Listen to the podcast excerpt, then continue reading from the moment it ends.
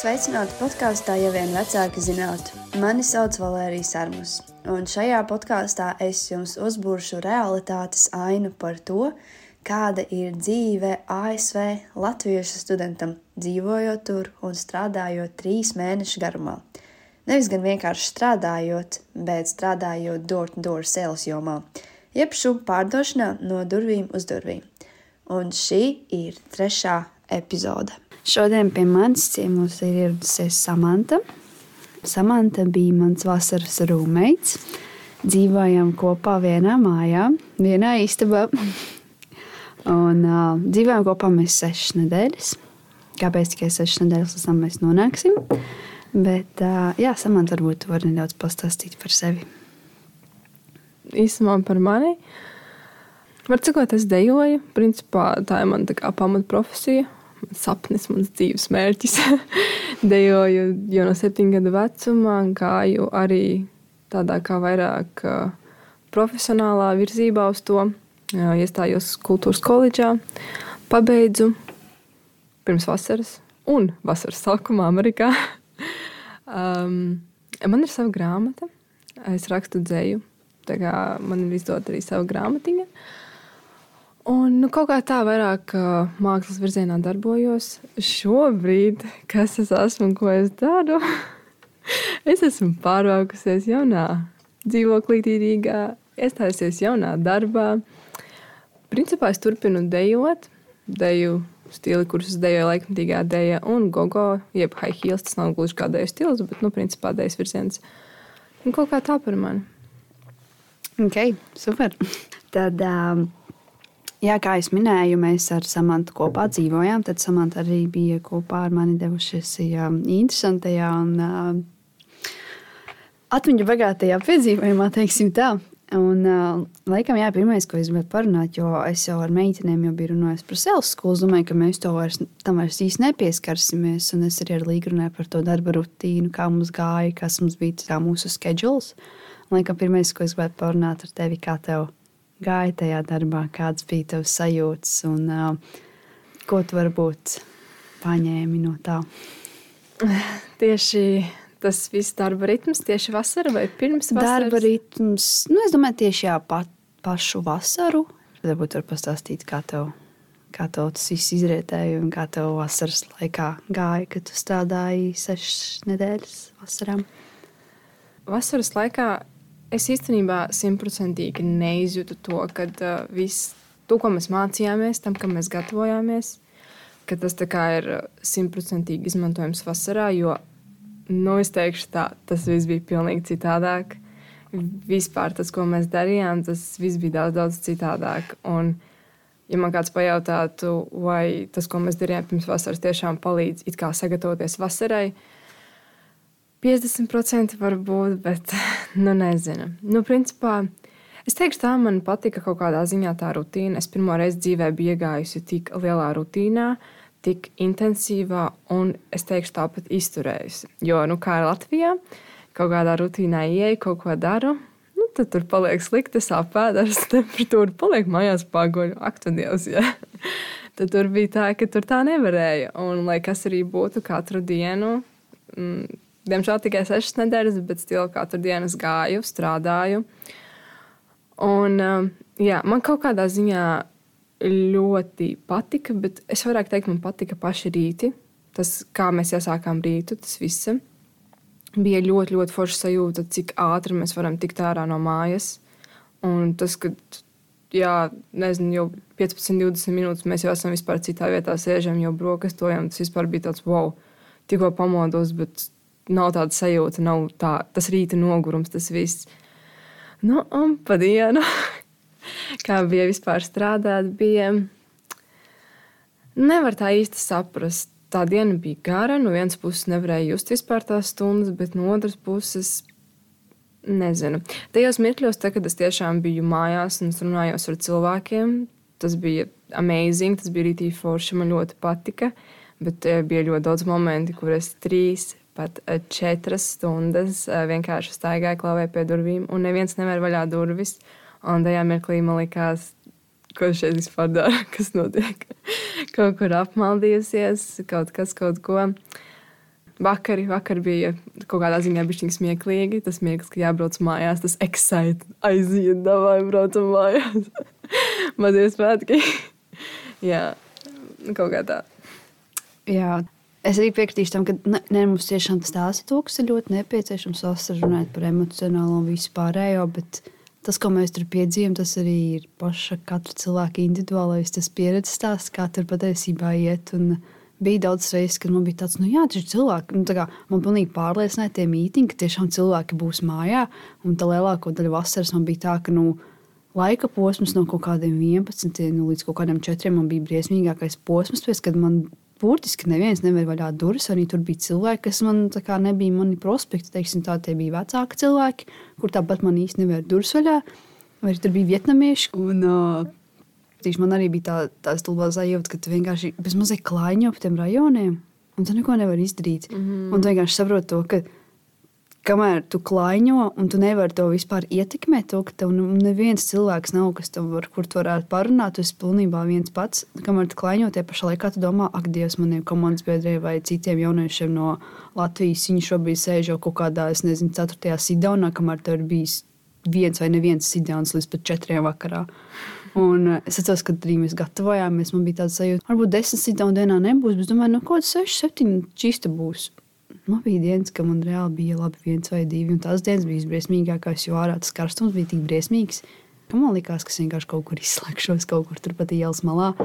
Man pilnīgi bieži nācās apsēsties kaut kur zālītē un izdzert nenormāli daudz ūdeni, lai es vienkārši nenoķīpstu.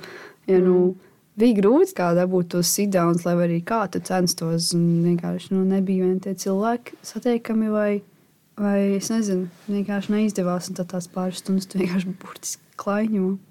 Kas man liekas tāds visinteresantākais, ka mm, tad, kad ar menedžeriem par šo visu runājām, tad ļoti bieži izskanēja tie vārdi, ka uh, tas viss ir galvā, ka mums ir jātic, ka mēs satiksim tos cilvēkus, ka viņi būs, ka tā, un, un tad tu klaiņo, un, un tu skandini galvā, ka jā, es to satikšu kādu, vai, vai tu domā, ka jā, tā būs rītīgi forša diena, viss būs rītīgi forši. Manā gadījumā tas tā īsti nestrādāja. Uh, nezinu, kas par kosmisko spēku tas ir vai nav. Bet, jā, var cikot, nezinu. Man bija, es atceros vispilgtāk vienu no, vienu no pēdējām dienām, kā strādāju rajonā, tā, kad es klauvēju pie durvīm un pilnīgi, pilnīgi neviens neatver vaļā durvis. Man tiešām bija sajūta, ka neviens tur nedzīvo vispār. Arī tas bija tieši tas laika posms, kaut kur 11, 4, nu, principā pa dienu pusdienas laiks. Un tajā momentā man bija tāds, kas to tiek, kā citi var savākt tos visus skaitļus, kas ir nepieciešami, tie visi sidauni un vēl viss, kas, kad es nezinu, es vienkārši staigāju un klaiņoju, brīnījos. Bet bija arī smieklīgas reizes. Es atceros to, ka man parasti jau pieklāvēja pie durvīm, to vajag daudz ūdeni dzert, tie karstumā, visu, visu, visu. Un man bija reizes, kad es pieklāvēju pie durvīm, un es pajautāju, jums būtu kāda kola vai spraits vai kaut kas atspērcinošs.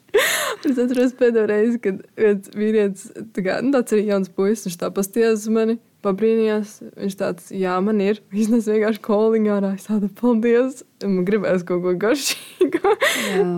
Jo man liekas, tas bija labākais sejas, kad tev cilvēks kaut ko piedāvā padzerties. Un tev iznes ārā augstu kolu, augstu gaiterēdu, augstu ūdeni. Un tad tu vienkārši domā, ka tu jau aizlidos kosmosā no laimes. Un vienreiz viena sieviete, viņa man iznes ārā sasaldētu gaiterēdu, kas bija slašīgs. Dievs, es biju tik laimīga. Es vienkārši mīlēju tos cilvēkus, kas man iedeva kaut ko vairāk par ūdeni. Jo, zināmā mērā, pa dienu gribās kaut ko saldu, kaut kādu cukurot enerģijai. Un tagad tie cilvēki tev sadod kolas, spraitus, fantas, es nezinu, gaitoreidus, eh, nezinu, kādas citas limonādes. Vienkārši tiešām bija sajūta aizlidos kosmosā. Jā, no vienas puses tas ir kaut kāds tāds mazais prieciņš, un, Jā. un tā sajūta no vienas puses ir amazing, tā ir kā tāda maza ikdienišķa lieta. Latvijā jebkurā mirklī grib aizies nopirkt, bet tur tā sajūta bija tiešām, ka tas ir kaut kas maģisks. Bet, piemēram, es skatos tajā pašā laikā no otras puses. Kā īstenībā Latvijā ikdienā es cenšos neko tādu nedzert. Nav tā, ka es nedzeru, tomēr ir brīvdienas, kaut kāda atpūta ar draugiem, kaut kā ir, bet tomēr ikdienā es pieturos vairāk pie augu valsts uztura, vairāk tīras pārtikas, visa, visa.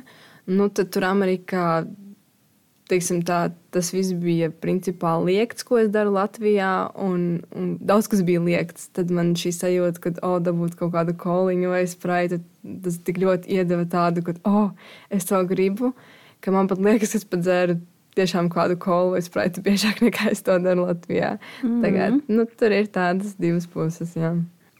Jā, nu arī par ēdienu runājot, man liekas, ka mums arī baigi lielās iespējas nebija. Tas pats meksikāņu restorāns, kurā mēs katru rītu ēdām, tur beigās iespējas neko citu vairs nebija, kā ēst kaut kādu tako vai uh, tās breakfast tortas, ko tu vienmēr ņēmi. Bet uh, jā, mēs arī pēc tam beigās kaut kā sākām tur arī to visu mainīt, un tad mēs arī, arī darījām tā, ka mēs četras dienas nedēļā mēs ēdām tajā meksikāņu restorānā, tad mēs atbraucām uz to Soniku, tev arī arī bija. Tad tie pašā meksikāņu restorānā mēs kaut ko mainījām. Uh, Un, uh, lai būtu kaut kādas pārmaiņas. Jo, nu, man tiešām, tagad man garšoja tie tā komeks, ka es tas, ka tu ēdiņas katru dienu, sešas dienas nedēļā, trīs mēnešus pēc kārtas, nu, ir bijis šī slikti paliek no tā visa. Nu, tas būtu tāpat kā Latvijā katru dienu uz McDonald's iet brokastīs un Jā. paņemt kādu burgerīti vai hezburgeru. Jo tas ir baigi interesanti Latvijā, kad ir cilvēki, kur vispār to nē, ir cilvēki, kur tiešām atkal ēd kaut kādās brūdienās, kaut kādās atpūtās.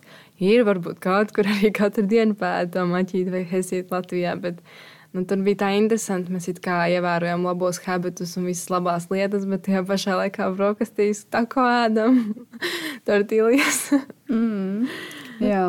Tā vispār diezgan interesanti. Ja, nu, labi, man liekas, arī Amerikā beigās iespējas veselīgi kaut kur pāriest, īpaši kaut kur ārpus mājas, kaut kādas brokastis īsti nebija iespējams. Jo, uh, Es teiktu, nav iespējams. Pat, es teiktu, pat simtprocentīgi, ka nav iespējams. Jā, jo palielam cilvēku arī turpat arī vairāk to fast food. Tas pat nav nekāds stereotips. Tiešām amerikāņi ēd fast food, un viņi ir overweight. Un tur bija tā, ka es tiešām skatījos cilvēkiem. Nu, reāli, es domāju, ka nu, jā, tur ir cilvēki ar lieko sarunu. Man liekas, ka tur ir tik daudz. Man liekas, ja labi, ja katrs sastais vai septītais cilvēks bija apmēram nu, normālā svarā priekš savu ķermeņa uzbūvis. Tā es personīgi, tad, kad es jau otrajā vasaras daļā biju Floridā, un tur es vairāk arī pastaigāju pa ielām, visur, tad man bija tā, ka es jau uz ielas ieraudzīju tiešām, piemēram, tiešām slaidu meiteni, tā, ka tiešām slaidu slaidu.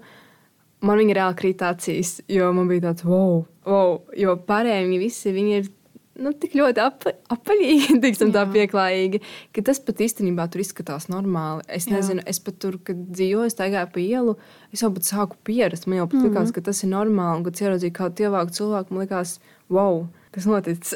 jā, jā. Nē, mēs še, šajā brīdī negribam diskreditēt cilvēkus ar uh, lieko sarunu. Mēs vienkārši runājam par to, ka tas ēdienu patēriņš, kas ir Amerikā, uh, tas īsti priekš kuriem mēs slīpstam, nav īsti normāli. Tāpēc arī mēs redzam, to, kāpēc cilvēki tur tiešām ir. Jo ir cilvēki, kas ir dabīgi apaļīgi, bet ir, tur redzēt to, ka tie cilvēki ir apaļīgi tikai tāpēc, ka viņi katru dienu vai regulāri lieto fast food un uh, ļoti taukainu sēdienus. Jo man liekas, arī Amerikā viņiem taukainu sēdiens bija vienkārši Mm. Vislabākā lieta, ko viņi var patērēt. Man īstenībā ir rītīgi foršs stāsts, kur izstāstīt saistībā tieši ar šo ēdienu.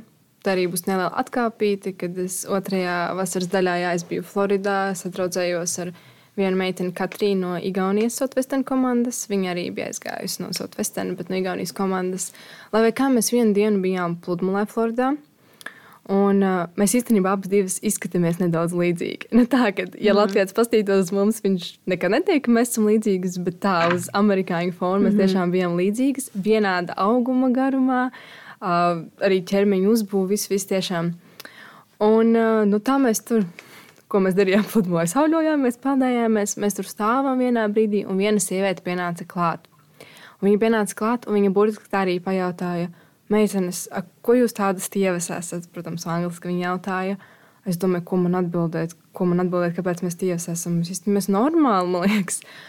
Tad sāku skaidrot, ka Jā, nu, mūsu valstī mēs ēdam ļoti tīru pārtiku, bet šeit ir ļoti daudz tauku un cukuru sēdienā. Un tā un es tiešām sāku skaidrot par pārtiku, kā tas ir. Un viņa bija izbrīnīta. Viņa teica, ka, wow, tiešām man, nē, nu, mēs zinājām, jā, ka te nav tā kā laba pārtika, bet tiešām likās, ka jums kaut kāda workout rutīna ir vai kaut kas tāds. Un es tajā mirklī biju pārsteigta. Es biju tiešām šokā, jo no tā, ka, kā viņa bija pārsteigta, kad es sāku stāstīt par ēdienu, cik tas ir patiesībā slikts un kāds ietekmē kā ķermeni. Mm. Un pat mhm. neko tādu neteicu. Vienkārši fakti. Daudz tauki, cukurs, mums ir vienkārši tīra pārtika. Un tajā mirklī man radās sajūta, ka viņi pat paši īsti varbūt nezina, ka, cik īstenībā ēdiens ir slikts. Tas tā kā viņi varbūt zina, bet viņi pievēr acis to Jā, pievēr acis tā līdz galam neizprot to, ka patiesībā tas ir rītīgi nopietni, mm. ka tas nav tā vienkārši. Jā, tajā mirklī man bija tāds neliels pārsteigums, man bija tāds wow. Bet jā, man liekas, arī tas, ka vienkārši viņiem bezmazliet piespiedu kārtā ir jāpārtā neveselīgā pārtika, jo tas viņiem ir izdevīgāk un lētāk. Un, jā, tas, ka vienkārši, man liekas, viņi ir to. Viņi ir tā pieraduši pie tā, ka viņi jau vienkārši ir aizmirsuši padomāt par to, cik svarīgs tomēr ir ēdiens ikdienā. Viņi vienkārši par to vairs nedomā, jo viņi saprot to, ka tam īsti nav jēga savu veiklā. Viņi tāpat patērēs un pirks kaut kādus produktus, kuriem ir vairāk tie tauki. Es teikšu tā, jau pat Latvijā, ja tu ieej veiklā, tev ir jābūt kā pateikt, stiprai personībai, tādai ritīgai disciplīnai ir jābūt, lai tiešām paņemtu to, to veselīgo un pagatavotu kaut ko veselīgu. Jo nu krīt acis tam šokolādēm, to visu. Es personīgi kaut kā jau biju iemācījusies kaut kā tomēr to veselīgo skatīties, tad tur bija vēl divreiz grūtāk. Mm. Un es iedomājos, ja cilvēks varbūt nav ar tik milzīgu vēl to disciplīnu un visu pārējo, tas varētu būt ekstra grūti paņemt to labo pārtiku. Labi, mēs aizgājām beigt tālu te, ēdienu tēmā, bet it's, it's fine. Man liekas, par to arī bija diezgan svarīgi parunāt, lai cilvēki tiešām saprastu, ka tu, nu, nu, ir kā ir ar to visu situāciju. Var sekot, ir stereotipi. Es teiktu, tie nav tikai stereotipi, tie ir fakti. Jāpiebilst, kad runājot par to, lai es dienā varbūt no rīta gāju stulti, varbūt pēc tam vēl divas reizes gāju stulti. Tā ka tas ūdens reāli tika viss vienkārši izsvīsts ārā. Ja jūs zināt, Latvijas monēta tik pēc stundai skrien uz stulti, bet uh, tur tiešām tik daudz ūdens dzēru un tik maz gāju stulti. Viss vienkārši tika izsvīsts. Jā, īstenībā es tieši pieminēju par to. Mēs īstenībā pat nebijām runājuši ar meitenēm pirms tam par toaletēm. Un jā, es domāju, ka daudz arī jautāt, kā mēs esam ārā ejam stoltēm. Nu, es teikšu tā, ka mums džekiem ir nedaudz vieglāk. Protams, Un uh, Amerikā ir tā, ka tās mājas tiešām ir cieši viena pie otras. Mums Latvijā kaut kādas māju rajonas, tur var kaut kādos krūmos aizskatīt, ja to tiešām vajag. Bet tur tās mājas tur ir tā, ka tev pat nav krūmiņu, tur nekā nav. Un vienīgā izēja, kā tiks to bija reāli prasīt cilvēkiem. Un bija reizes, ka man ielaid uzreiz. Bija reizes, man tā dīvaini pastījās, un bija reizes, ka vienkārši kaut kāds seši cilvēki pasakā, nē, nāk ar audienis, jo es vienkārši nenormāli gribu stulot, nav kur iet. Man liekas, ka es reāli apraudāšos no tā, ka man vienkārši tam iespējas aiziet stulot, un man pūsas prāga puša, un es nevarēju nekur aiziet. Un arī ar rītdienu man nav nekur variantu aizbraukt, jo es esmu vienkārši tik milzīgā tajā teritorijā, ka tu jau pat nedrīkst. Tu jā. jau teorētiski pat nedrīkst nekur braukt. Tev ir jābrauc cilvēkiem. jā, un pat nebija tūmā nekad benzīna. Nav bija reizes, kas tiešām speciāli brauc kilometrus benzīna mm. jo es vienkārši nevarēju izturēt. Man drausmīgi vajadzēs to dolot. Un, jā, nu bija reizes, kad nu, tiešām bija ļoti grūti. Bija reizes, kad cilvēku uzreiz ielaida bez jautājumiem. Viņi saprata, bet bija cilvēki, kuriem bija tās tā kā, nu, sorry, nē, es to nelaidīšu. Tad vienkārši šeit draudi, tāpēc vismaz kaut, kaut kā to ūdeni tam poru no savu ķermeņa raudot. Jāsvīst vairāk ārā. jā, tas bija, tas bija jā. diezgan heavy. Jā. Es varu pateikt par to, ka uh, mums arī stāstīja, nu, mēs to pirms vasaras zinājām, arī par to gatavojāmies. Ja vajag uz stolti, principā, kur tu dodies uz stolti, tu vienkārši klavē pie durvīm un prasi cilvēkiem, ka tev vajag stolti. Viss kārtībā, viss saprotams. Un, uh, un stāstīja mums, cik cilvēki Amerikā ir atsaucīgi, laipni, tā teikt. Atkal nedaudz salīdzinot ar Latviju, kad nav kā Latvijā, viņi ir daudz, daudz vairāk izplīdzīgāki, atsaucīgāki un tā tālāk. Taisnība jau īstenībā ir viņiem tā arī ir. Man cilvēki ļoti patīk. Tiešām es varētu teikt, es mīlu vienkārši šos cilvēkus. Mm. Super. Bet tajā pašā laikā. Mm, es biju kaut kā sapratusi, ka nu, es iešu uz to, es paprasīšu, man ielaidīs, viss būs kārtībā. Un tad pienāca reize, kad es pieklāvēju pie durvīm, ja tāda laimīga, tūlīt iešu uz to, un man sieviete pateica, nē, Viņa teica, nē, viņa nelaiž svešinieks mājās. Un man tajā mirklī bija tāds, wow, wow, wow, wow šī tā arī var būt. Kā, ka, man, ka man pateiks, nē. Nu, tā nebija tam gatava. It kā jau loģiski, ka cilvēkam ir tiesības, kāpēc mm. man laistu iekšā un tā. Bet tajā mirklī sapratu, ka viss nav tik vienkārši, ka man arī ir jāsāk uztraukties. Ja man šī tā katrs cilvēks teiks, tagad nē, kad nu, vai man tūlīt biksēs viss būs iekšā, vai, vai kas tūlīt notiks, ko man darīt. Jā, un arī runājot par varbūt meitenēm, jo, kā es teicu, meitenēm ir grūtāk un uh, arī daudz jau tā kā ar mēnešu reizēm. Uh, kas arī man liekas, ir svarīga lieta, par ko runāt. Uh, jo nu, tas ir normāli, ka meitenēm ir menšreizes un vispārējais. Man paveicās, ka man bija self-skolā, man nebija jāuzsver to, ka man būs kā jūnijā strādājot, un jūlijā, paldies Dievam, man arī nebija. Un, uh, man bija tā, ka man bija augusta paša pēdējā nedēļā Jo vienkārši vasarā no tās fiziskās slodzes, no tās rutīnas, tev ļoti daudz meitene vienkārši pazūd mēnešais to visu vasaru. Jo tu vienkārši, nu, tu tiešām visu laiku ir fiziskā slodze. Un uh, man bija tā, ka man augusts pēdējā nedēļā bija tās mēnešais. Un uh, bija reizes, kad es nevarēju tikt to. Tiešām meitenēm ir svarīgi uzturēt to higiēnu, tīpaši mēnešu laikā, jo ķermenis tad ir viss, visvājākais, es teikšu tā. Un, uh, jā, man īstenībā pavaicās to, ka man tieši mēnešais bija tieši tad, kad uh, Es strādāju tajā teritorijā, kur tiešām bija ieskauts, tā teritorija bija ieskauta mežā, un man bija tiešām iespēja aiziet un izdarīt visas lietas bez satraukumiem, to, kas netīšu kaut kur uz toaleti, jo vienkārši man neviens nelaiž mājā, man apkārt bija visur mežs, un par to es biju ļoti, ļoti pateicīga. Bet, jā, ir meitenes, kurām ir visu vasaru mēnešais, ir meitenes, kurām tas mēnešais vienkārši pazūd. Un, uh, tas jā. ir normāli. Bet, uh, jā, nu, tas, diemžēl, ko... meitenēm grūtāk. Īstenībā es klausījos reāli tas, ko tu vispār visu to, ko tu stāstīji. Vai arī tici vai nē, klausies. Man mēnešais bija skolā. Es neatceros, vai pirmajās darbdienās, vai ne, man liekas, ka nē, varbūt jā. Man jūlijā nebija, un man bija pēdējā augusta nedēļā. Pilnīgi daba. Ārprāts. jā, un es īstenībā, es vēl Es īstenībā biju nedaudz uztraukusies. Tādā ziņā, kad uh, es runāju arī Katrīnu, kad mēs tur Floridā bijām. Viņa saka, manā mēnešā reizes viss, viss, viss. Un, jā, ko viņa, protams, uzreiz, ja mēs jau visi zinām, ka var nebūt mēnešais, bet viņa jau tur, jā, samant uzmanies, jā, varbūt pēc sešiem mēnešiem liela vēda steigās apkārt vai kā. Tad man likās, nē, nē, viss ir kārtībā, man sēles skolā bija mēnešais. Bet uh, man cenās tā, ka man bija izkritis tieši viens cikls. Ja man būtu jūlijā tas cikls, man pat laikā tā kā sāktos augustā vienkārši bija tas cikls.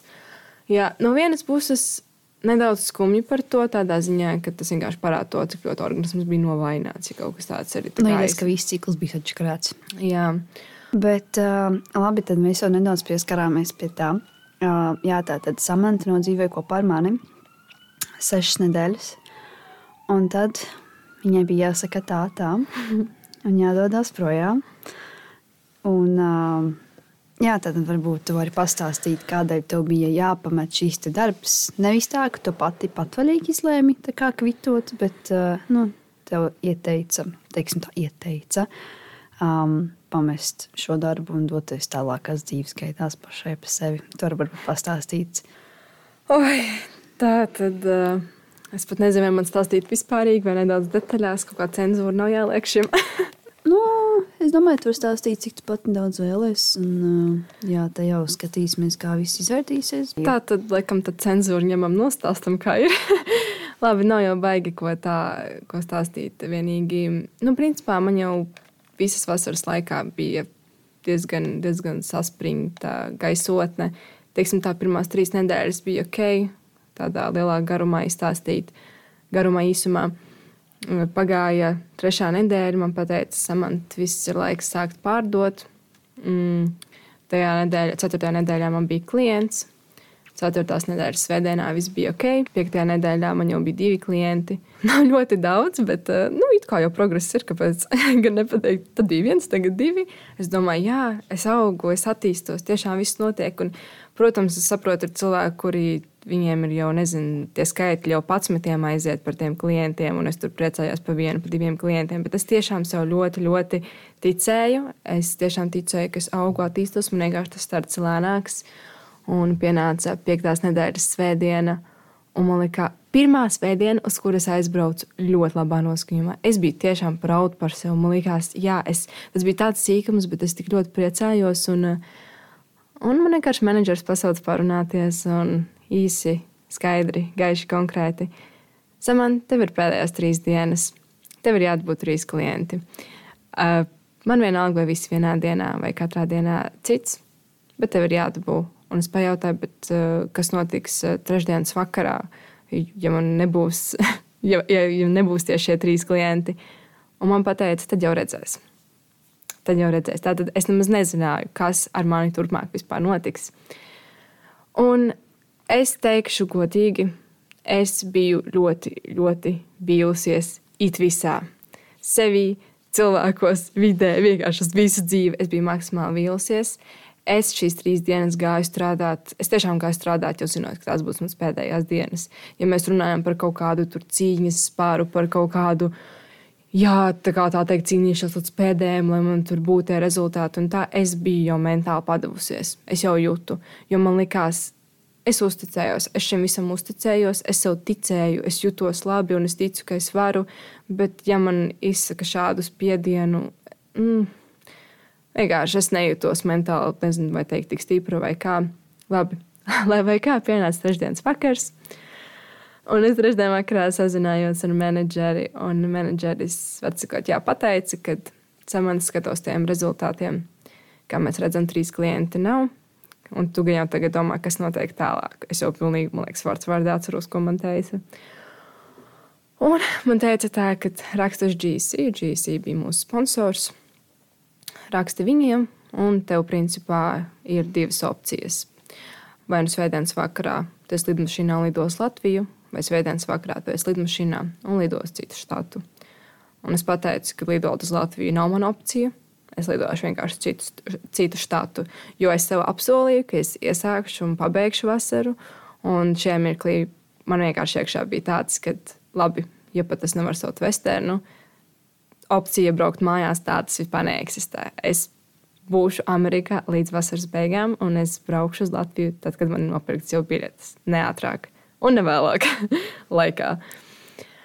Nu, tas ir aptuveni par to. Var cikot, jā, par šo es nevarēju stāstīt meitenēm, es nevarēju stāstīt Valērijai.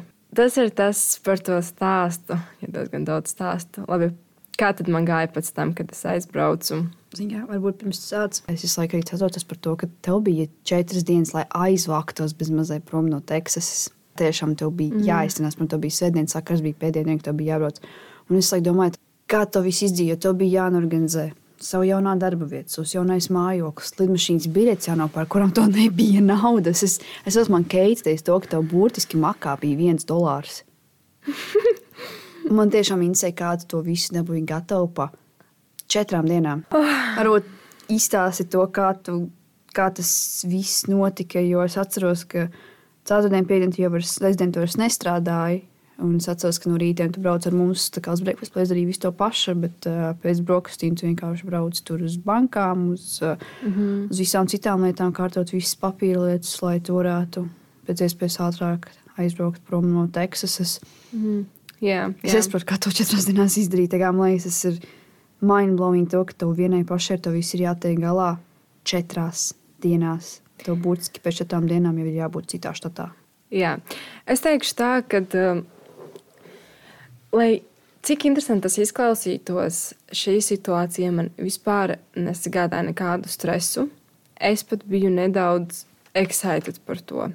Uh, protams, tie pirmie momentā, kad man teica, es it kā zināju, ka man ir viss, ka es vairs nebūšu ar jums kopā, tad, kad trešdienā bija vakars, un man nebija šie trīs klienti. Bet tajā pašā laikā es nezināju, kas ar mani notiks. Bet, uh, Tik un tā, kad vakarā sazvanījos ar menedžeri, un man skaidri un gaiši pateica to, ka es tiešām jums nebūšu, man bija, protams, iekšējais šoks, jo, teiksim tā, vairāk kā pusgadu es gatavojos vasarai, es gatavojos šim, es tur biju, viss, kas notika, notika ap šo visu vasarā, ko es darīju ar Sotu Vesternu, un, uh, un tā vienkārši pēkšņi vienā vakarā man pasaka, viss, un tev ir tāds, ko, wow, wow, wow, wow šis viss tagad vienkārši stop, šī tā nospiests nost, un viss beidzās. Tagad bez mazliet samantoties brīvi, un tu dari, ko tu gribi. Nu, tāds sprādziens galvā bija, tas bija kosmos. Bet, kā jau minēju, tajā pašā laikā es biju nedaudz excited. Es jutos tādu kā palaista no grožiem vaļā, un tagad, tā teikt, es varu beidzot pati noteikt savu dzīvi, kas ar mani notiks tālāk. Tas bija interesanti. Uh, tas, kad uh, jā, tas mans mindsets par to visu. Ja man tagad atkal liktu to atkārtot, teiksim tā, ja šis notiktu pirms vasaras Latvijā, es, es to jau nedarītu, ka jau sēdētu tur jau raudāt kaut kur ārpus, viss dzīve beigsies, bet tur, tā, tur viss notika citādāk. Tātad tas ir tas, pirmkārt, par to mentālo, kā es tam tiku cauri. Nu, principā bija tā, ka es rakstīju GC. Uh, izcelšu to, ka uh, ja jau menedžeris vairākus gadus brauc strādāt uz Ameriku, un viņš jau gan jau zina bez mazliet pilnīgi visu. Varbūt kaut ko nezina, bet teiksim, tā tāda kā GC darba laika. varbūt man varēja pateikt tomēr. Jo, ja man teica, ka man viss jānoskaidro līdz svētdienai, bet uh, sestdienās, svētdienās GC nestrādā, tad man likās nedaudz smieklīgi. bet uh, es rakstīju ceturtdienā GC. Laikam. Neatceros īsti jau tik konkrēti, konkrēti. Atceros to, ka es vienā dienā uzrakstīju, man nākamajā dienā atbildēju, tad es atkal tajā dienā uzrakstīju GC, un tam man atkal pēc tam atbildēja. Bet man tās dienas nebija līdz svētdienai. Es aizbraucu otrdienas rītā. Es braucu uz Floridu. Un, uh, Uh, es nezinu, kā lai to izstāstu. Nu, principā tā visa tā saraksta ar GC bija tāda, ka es uzrakstu, ka es vairs neesmu ar Sotu Westernu un ka man vajadzētu darbu citā štatā. Tad viņi man atsūta kā, opcijas vēlreiz. Viņi atsūta opcijas, kad uh, mana pirmā opcija ir tomēr rakstīt atpakaļ uz Sotu Westernu un kā, prasīt, vai es tomēr varu strādāt kopā ar viņiem. Otra opcija, kad es uh, strādāju citā štatā. Uh, viņi man atrod darbu, strādāju citā štatā Tas ir teorētiski izdevīgākais variants. Tad es varu uzreiz sākt strādāt bez social security. Trešais variants, kas tomēr palieku strādāt turpat, jau, kurus tā teikt, jau dzīvoju, jau tajā pašā štatā, pati meklēju darbu, bet tas esot daudz sarežģītāk, tāpēc, ka uh, man nav social security. Ļoti grūti būtu atrast darbu. Un pēdējais variants, ka es vienkārši, man ir 30 dienas, lai ceļotu, un tad es lidoju atpakaļ uz mājām. Un es izvēlējos šo otro variantu, cits štats un ka viņi man atrod darbu. Un tad viņi man atsūtīja darba piedāvājumus par citiem štatiem. Es izvēlējos Floridu, jo tas bija vistuvākais štats, un es atkal rēķināju, ja es lidošu uz Amerikas otru galu, cik man tā biļete izmaksās.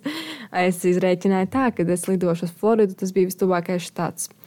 Un mums bija ļoti forši Amerikas vecāki, viņas sauc par Amerikas vecākiem, Karla un Dens, un uh, es ar viņiem arī daudz par šo runāju. Un uh, viņiem, tā teikt, ir meitas vīrs no Floridas. Viņa daudz ko man stāstīja par Floridu.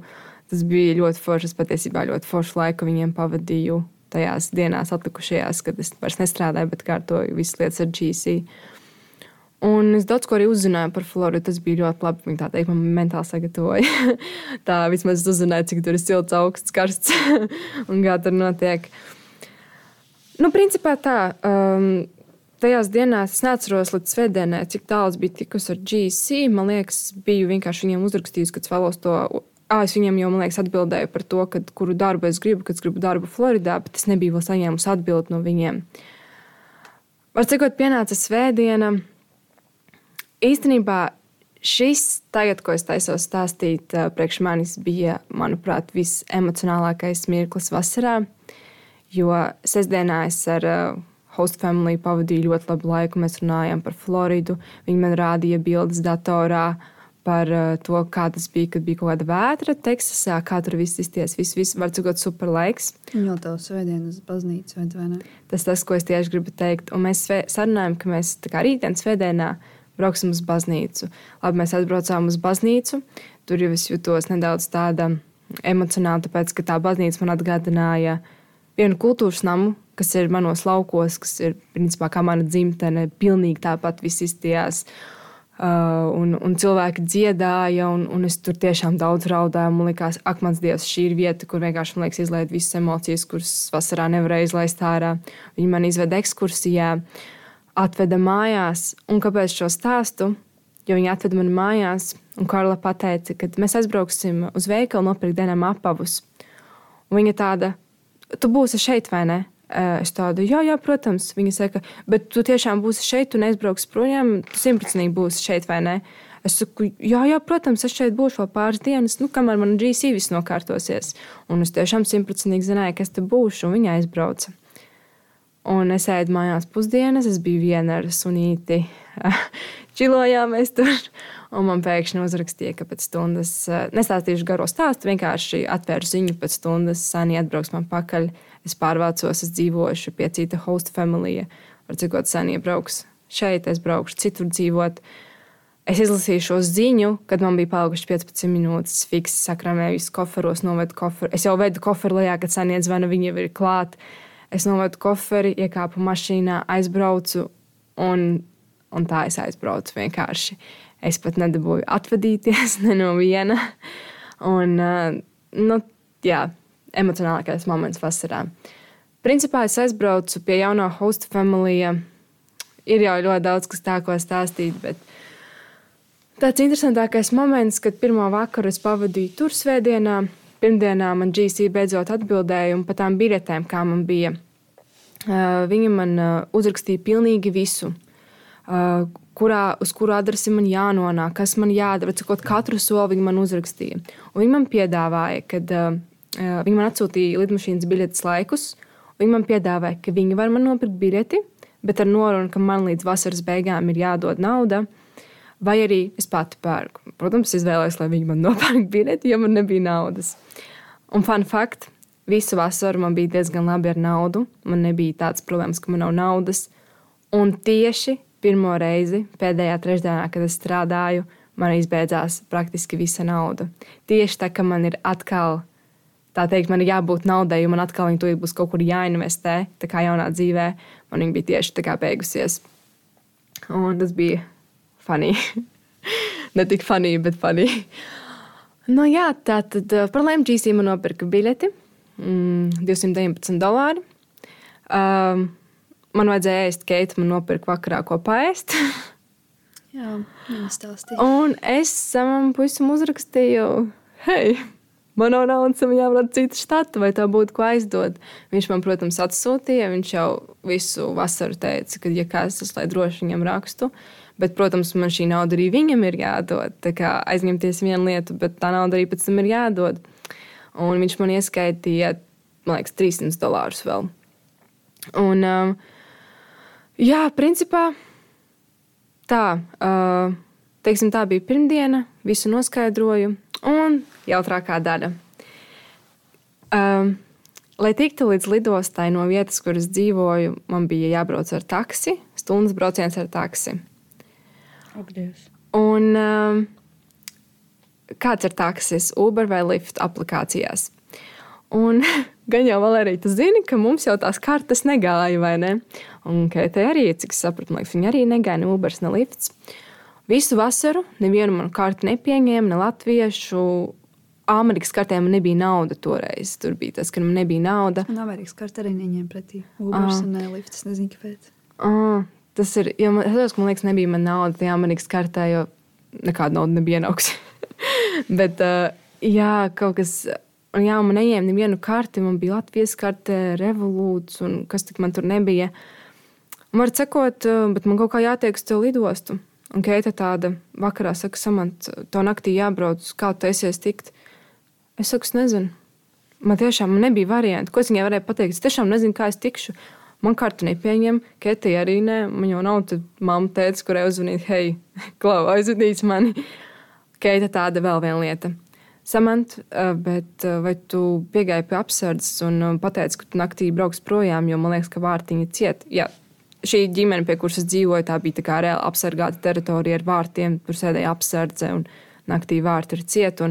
Un, Keita saka, ka Samants liekas, ka viņi tur naktī nemaz nesēž. Kā jums liekas, vai es aizgāju pie tās apsardzes? Nē, tāpēc, ka bija jau vakars, neizgāju. Nu, labi, naktī skan modināties kaut kur divos. Es pieceļos, ieskrienu augšā dušā, zinu, kā vajag pamosties naktī un tā.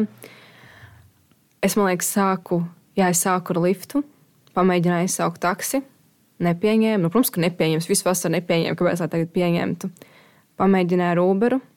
Taksi pēc desmit minūtēm būs klāta. Man nav ne jausmas, kas notika, kā mainījās, bet es varēju izsaukt taksi. Labi, atvados no Keitas, eju līdz vārtiņiem. Piebrauc taksis, no mašīnas izkāpa sieviete. Vārti ir cieti, protams. Sieviete skatās, viņa saka, tur apsargs nav. Es tādu, protams, viņš jau nestrādā naktī. Es domāju, nu, ko man darīt. Pārcētāji to čemodānu mēs baigi liels nevar saprast. Bet viņi bija piebraukusi pie tās ieejas, kas ir, kad iebrauc mašīnas. Bet blakus ir vārtiņi, kur izbrauc mašīnas. Es viņai saku, pamēģināsim caur otru pusi. Viņa nu, piebrauc kā caur otru pusi. Un uh, eju pie tiem vārtiņiem, un tie vārtiņi bija nelielā šķirbā nelielā šķirbā atvērti. Es tādu, ok, mans dievs, taksiste izskrēja ārā no mašīnas, vārtus, vienus vārta galus vilka uz savu pusi. es otrs uz savu pusi. Tur bija tieši tik daudz vietas, lai es varētu izstumt savu čemodānu cauri. Un es varētu izstumt sevi. Gaisvāt, es nokļuvu lidostā laikā. Vienīgā reize, kad es varēju izsaukt Uberu, vairs nekad es arī vasarā nevarēju izsaukt Uberu. Un tas ir vienkārši tāds kosmos. Un, uh, principā šis tāds, tāds lielākais funny stāstījums, ko es varēju izstāstīt. Uh, Bet labi, tad mēs esam nonākuši līdz Floridai. Kā tev gāja Floridā? Ko tu darīji, kas bija tas darbiņš, kā tev bija jāstrādā? Un, vai tev tiešām nopelnīja kaut kādu naudu, lai izdzīvotu? Mm -hmm. Tad, um, braucu uz Floridu, lai strādātu. Un, uh, es strādāju Hilton uh, viesnīcā. Uh, es biju housekeeping. uh, tā teikt, uh, man liekas, ironiski pirmā vasaras daļu es kalvēju pie durvīm un teicu, Hi, I'm a student from Europe. Do you want these books? Labi, tā es neteicu, bet principā tā doma tāda. Otrajā vasaras daļā es klauvēju pie istabiņām un bļāvu housekeeping. Do you need anything like towels or something else? bet, uh, var cikot, uh, jā, principā bija divas opcijas, kuras varēja dzīvot. Mm, viena vieta saucās Santa Rosa, otra vieta bija Freeports. Uh, tā lai aptuveni saprastu, tur bija jāmaksā arī īres maksa, nedēļā īres maksa.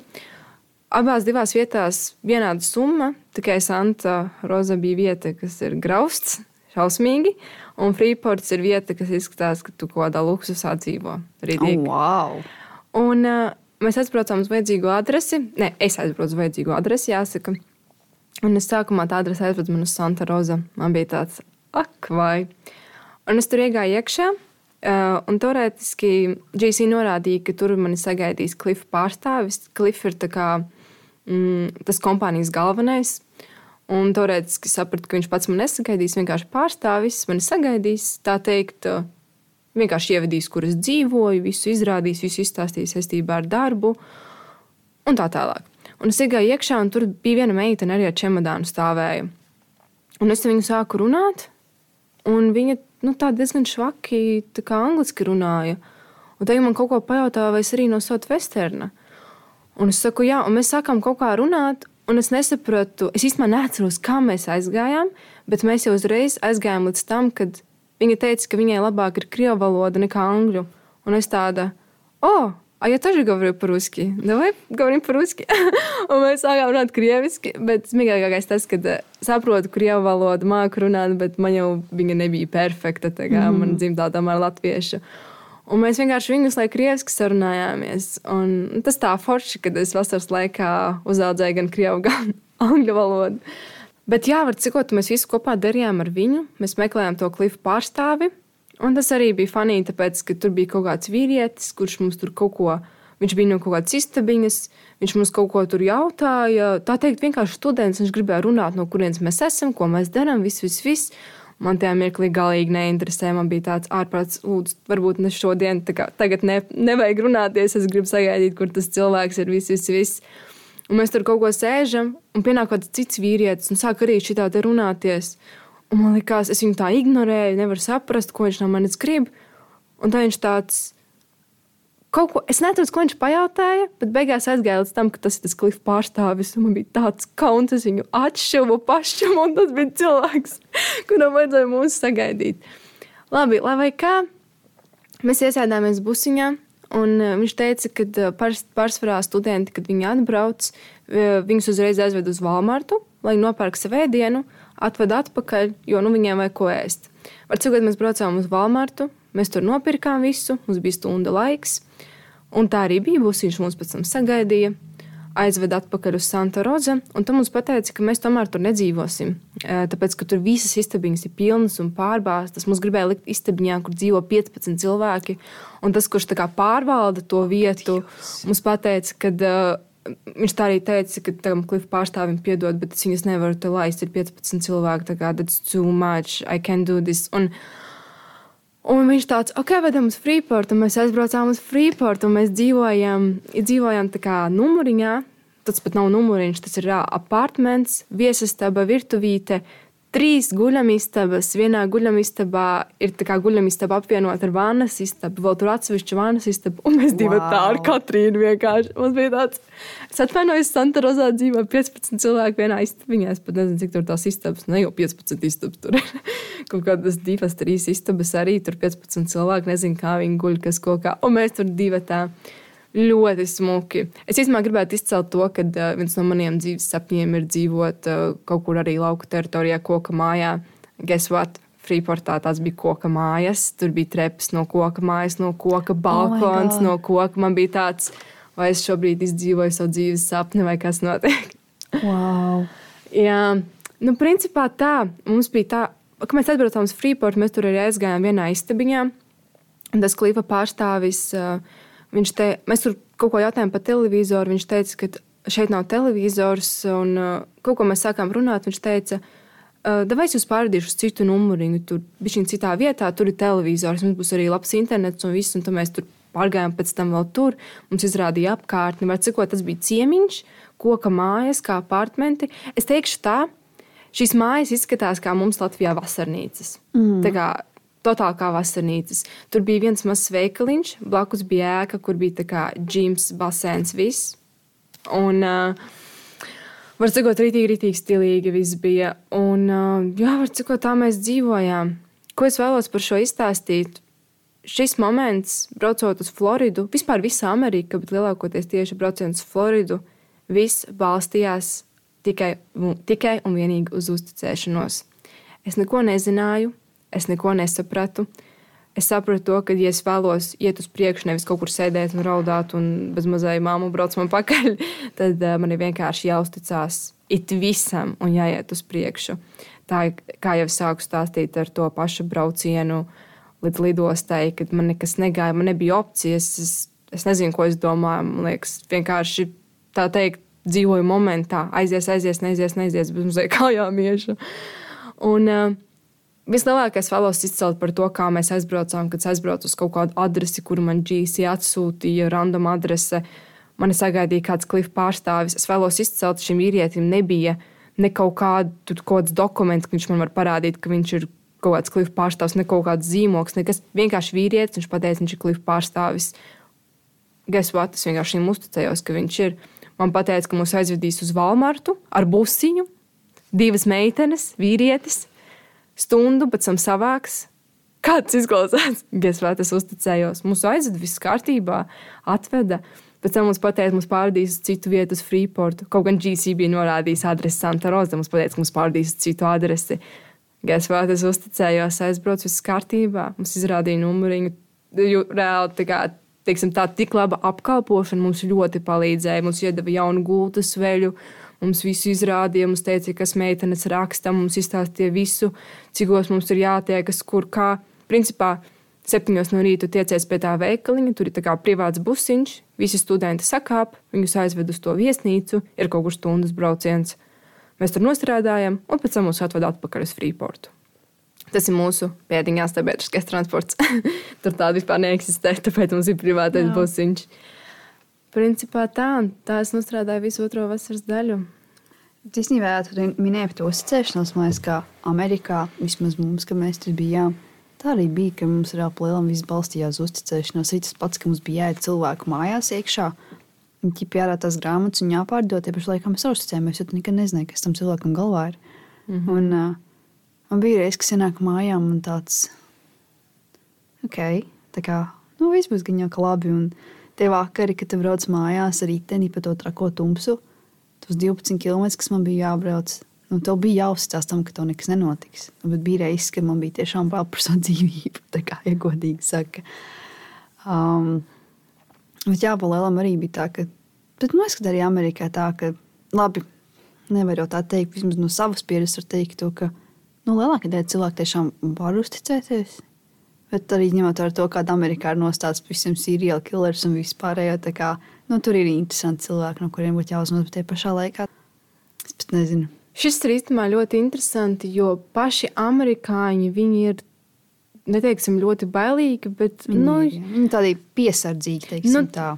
Nu, tu Latvijā nekad nedzirdēsi, ka kāds pateiks, ka viņam ir ierocis, vai kad, eh, hei, šī te ir kaut kāda slepkava, kad cik esmu Jā. stāstus dzirdējis, kā vīrietis stāsta, ka viņam vēl iziet no mājām. Nu, melnādains vīrietis. Jā. Tas iznāca ārā no mājas. Viņš teica, ka viņam dažreiz ir bail iet ārā no mājas. Jo, jo jā, visādi stāstu stāsta, kā tur draud ar ieroci, ar nazi, nezinu, ko. Nu, Latvijā kaut ko tādu dzirdēs, varbūt kaut kāds kaut kas tāds. Jā, tas ir Amerikā aktuāli, bet tajā pašā laikā cilvēki. Man bija tāds neliels kultūras šoks, bet nu, tādā labā ziņā, kā viņi palīdz, cik viņi atsaucīgi. Jā. Man nekad dzīvē cilvēki nebija tā palīdzējuši. Nepazīstami cilvēki no mm -hmm. burtiski cita kontinenta, kā viņi man palīdzēja. Tagad es biju arī Floridā, viesnīcā. Tur bija viens arī ežņu vīrietis. Fun fact, es uzreiz jau viņu atcerējos, jo viņa vārds ir Hektors.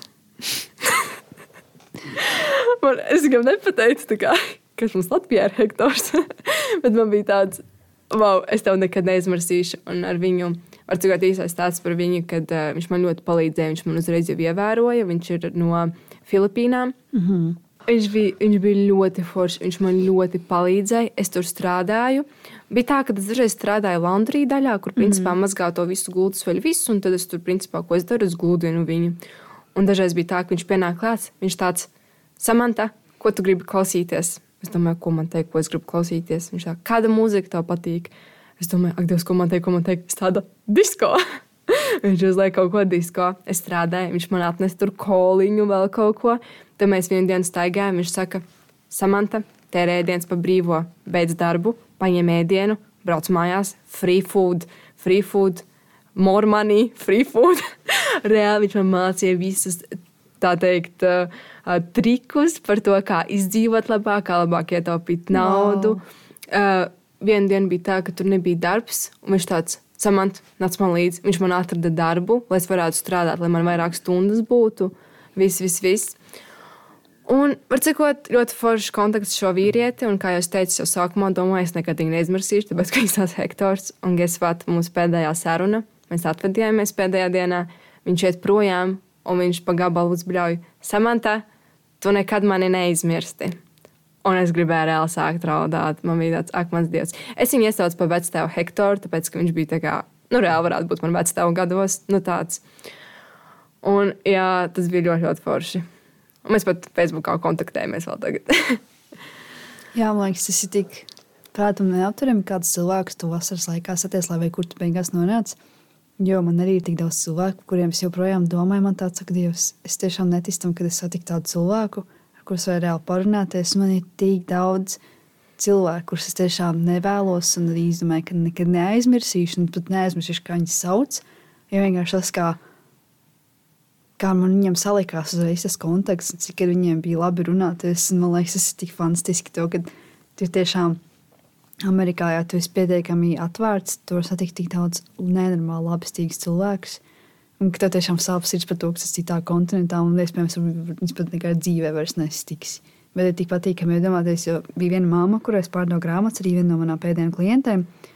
Viņa man nesen uzrakstīja, viņa tāda, hey, girl, how are you doing? Man tāds, yeah, I'm good. Viņa tāda, okay, glad to hear that you're okay. And, uh, jā, viņa uzrakstīja, ka viņa saņēma grāmatas, viss ir tik superīgi. Tas saka, but girl, you know what? If you're ever in Houston, you know, my door is always open for you. jā, Ja tiks no viņas atsadījos, viņa uzdāvināja zīda vēdekli no Vietnamas. Ak, Viņa Dievs. zīda nenormāli skaists, un viņš joprojām stāv mājās. Jā, jā, jā, jā. Bet ir forši apzināties arī, ka tu esi šeit. Burtiski tik tālu prom, burtiski otrā pasaules malā. Mm -hmm. Bet ir forši apzināties, ka kaut kur tur otrā pusē ir tik forši cilvēki. Un vienkārši tā doma vien, tu vairs vispār negribi skatīties pasauli. Man liekas, es šobrīd pat gribu teikt, nekad vairs neteikšu, ka viss ir briesmīgi, viss mm -hmm. ir slikti. Nē, viss nav briesmīgi. Varbūt, ja kaut kas šodien notiek ne tā, kā gribētos, tad tu vismaz zini, ka otrā pasaules malā ir tik superīgi cilvēki, tik forši. Jā, izklausās, ka tev bija ļoti interesanti. Ir tik forši parādīt cilvēku, kuram bija šī savādāka pieredze, kurš aizbrauc uz citu štatu. Jo, zin, kā, piemēram, saka, eitrunā viņi palika Teksasā un pie lielām, nu, neko savādāk varbūt. Nu, ar viņiem bija tas ritms bija savādāks, bet kā neko savādāk viņi neredzēja, jo, piemēram, Florida ir citur. Un tur noteikti pavisam, nevis noteikti, bet tur ir pavisam savādāk cilvēki, ko tu tur satiec. Un, uh, tik interesanti dzirdēt. Bet, jā, varbūt noslēgumā varbūt arī pastāstīt, ko tu, kas ir viena no lietām, ko tu esi paņēmusi no vasaras. Vienalga, vai tas bija strādājot Southwesternā, vai tas bija vēlāk strādājot par housekeeperi. Mm -hmm. Bet, uh, kas bija viena no, vai varbūt vairākas lietas, ko tu esi paņēmusi no vasaras, kas tev tiešām paliks tev iekšā? Es teikšu tā, starp šīm lietām ir lietas, kuras es sapratu, iemācījos, ieguvu. Visa vasara kopumā bija tāda, ka man bija tāds jūtas, ka vienkārši man čakra atvērusies tik ļoti. Vienkārši kaut kur kosmosā viss kāds reāli pamainījies. Zini, kā cilvēks saka, tā, kad tu ceļosi, tev viss tā perspektīva pamainīsies. Viss. Nu, es īstenībā dzīvēju ļoti maz, esmu ceļojusi. Mans pirmais lidojums ar lidmašīnu bija uz Ameriku. Jā, bet es teikšu tā, tagad strādāju viesnīcā, es pelnīju labi. Tiešām es nopelnīju naudu, es varēju atdot šo visu var sekot GC naudu, visu, visu šo mm -hmm. Te, ko es biju aizņēmusies. Um, man vēl palika nauda dzīvošanai un tā. Jāsaka, tas, ko es investēju pirms vasaras un ko man vajadzēja dot pēc vasaras, nedevu gan. Tā teikt, atbraucu ar mazumiņu atpakaļ. Tiešām ar tādu minimālāko, ko vienkārši tagad dzīvot. Bet uh, tā teikt, tā kā es tur dzīvoju, tur gan bija viss labi. Bet tad, uh, nu jā, vairāk par tiem uh, secinājumiem to, ko es ieguvu, to, ko es sapratu. Es teikšu tā, pirmā lieta, kur es sapratu, es vēlos dzīvē iesākt lietu un pabeigt. Lai konkrētāk saprastu, pirms vasaras es, man bija eksāmena skolā, man bija izlaidums, es pabeidzu skolu, viņu pabeidzu vasarā. Man jau, teiksim, tā jau pusvasarā, vasaras otrajā daļā, vēl pat tagad nedaudz uh, bija šī nepabeigtības sajūta. Tāpēc, kad uh, tomēr es pabeidzu augstskolu un um, tomēr ar ļoti labiem rezultātiem, jāsaka, un līdz ar to tas pacēla mani vēl augšā. Un gan, uh, gan mani personīgi, gan tas, ka vairāk cilvēku sāka man ievērot, es atceros, uh, kādas sarunas man bija pēc diploma darba koncerta un, un viss, viss, viss. Un, un tas izlaidums, var sakot, Es neko no tā nepiedzīvoju. Man bija šī nepabeigtības sajūta, un man vēl aizvien viņa nedaudz valkās līdzi, ka tas viss ir jau aizgājis, visi jau sen jau ir jau nosvinējuši, jau aizmirsuši, varbūt jau citā skolā vai kaut kur citur. Un es vēl aizvien domāju, ka, wow, kā es pabeidzu skolu un viss, viss, viss. Un vēl citas lietas saistībā arī ar grāmatu, vispār ar dēļām, ar darbu, ar visu. Es kaut kur biju dzīves posmā, un es to visu vienkārši nometu nost, jo man vajadzēja viņu nomest nost lai aizbrauktu uz Ameriku. Un tas ir tas, ko es sapratu. Nē, nākamreiz es tā nedarīšu. Ja es esmu skolā, un ja man ir tāda eksāmena, un ja man ir tāda izlaidums, tas ir iespējams. Tu vari to izdarīt, kā es to izdarīju, piemēram, Amerikā, nokārtot eksāmenus. Tu vari tam iziet cauri, bet es tā dzīvē vairs negribu. Es gribu tādai kā normāls cilvēks izdarīt, pabeigt, nosvinēt.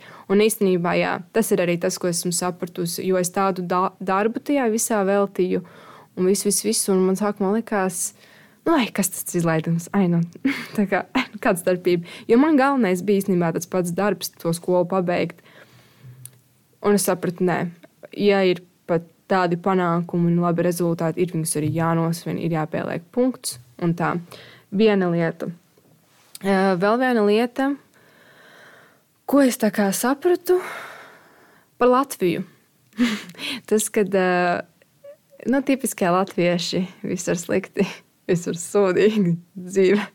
Varētu jau sākt lamāties tagad. Bet uh, cilvēki par cilvēku Latvijā ir, uh, negribu tā teikt, bet tā ir. Viņi ir depresīvi, viņi iztā, izsakās ļoti slikti. Un es saprotu, mēs visi gribam pelnīt vairāk, un mēs visi gribam dzīvē kaut ko vairāk. Uh, Un eh, atkal akcentējuši, es maz biju ceļojusi dzīvē un aizbraukusi tagad uz Ameriku. Es paskatījos vienkārši, kā cilvēki tur dzīvo, kā viss notiek. Un es teikšu tā, it kā jau es zināju, kad atbraukšu atpakaļ un sākšu novērtēt vairāk kaut kādas lietas, bet es nekad nedomāju, ka es sākšu novērtēt it visu Latvijā.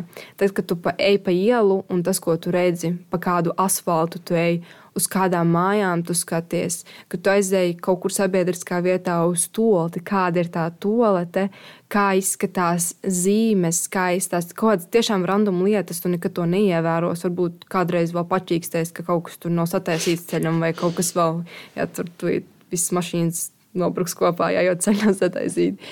Bet cikot tādas lietas, es ļoti sāku novērtēt. Un es sapratu, ja mēs skatāmies uz visu šo apkārtni, uz visām tām iespējām, viss, kas mums ir, es vispār, mēs dzīvojam tik ļoti labi. Mēs dzīvojam vienkārši ļoti labi.